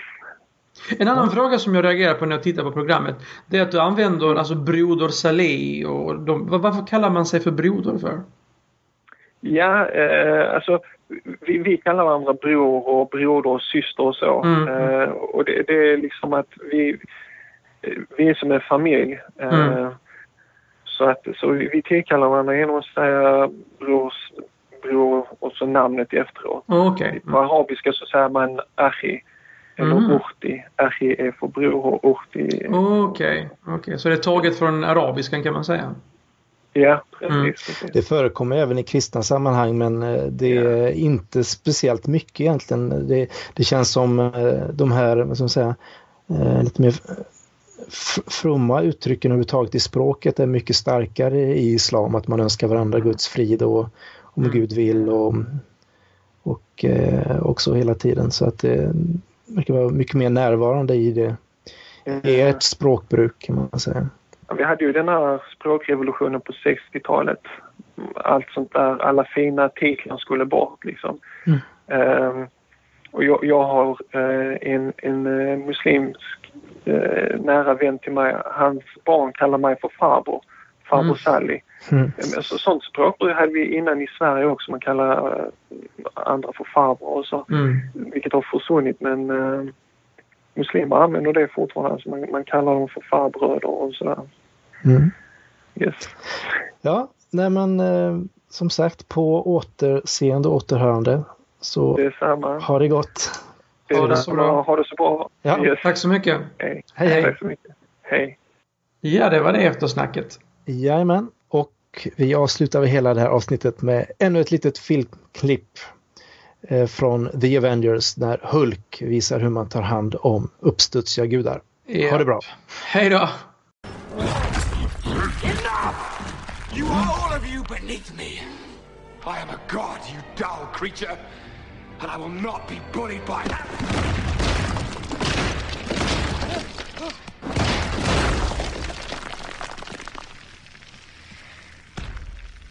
Puny god. Du har lyssnat på podcasten Mellan svart och vitt. En podcast som handlar om tro, tvivel, skepticism och humanism. Om du gillar oss så gå gärna in på iTunes och ge oss höga betyg och fina recensioner så får vi ännu fler lyssnare. Ta gärna kontakt med oss. Eh, vi har Twitterkonto svart underscore vitt för programmet och eh, Thomas har Skeptvivlaren och Dragan har Dragan Humanist. Eh, vi har också en Facebook-sida. Du kan söka på mellan svart och vitt. Vår hemsida har adress mellansvartovitt.se och där kan man också kommentera de olika avsnitten. Och vår jingel är gjord av The Lounge.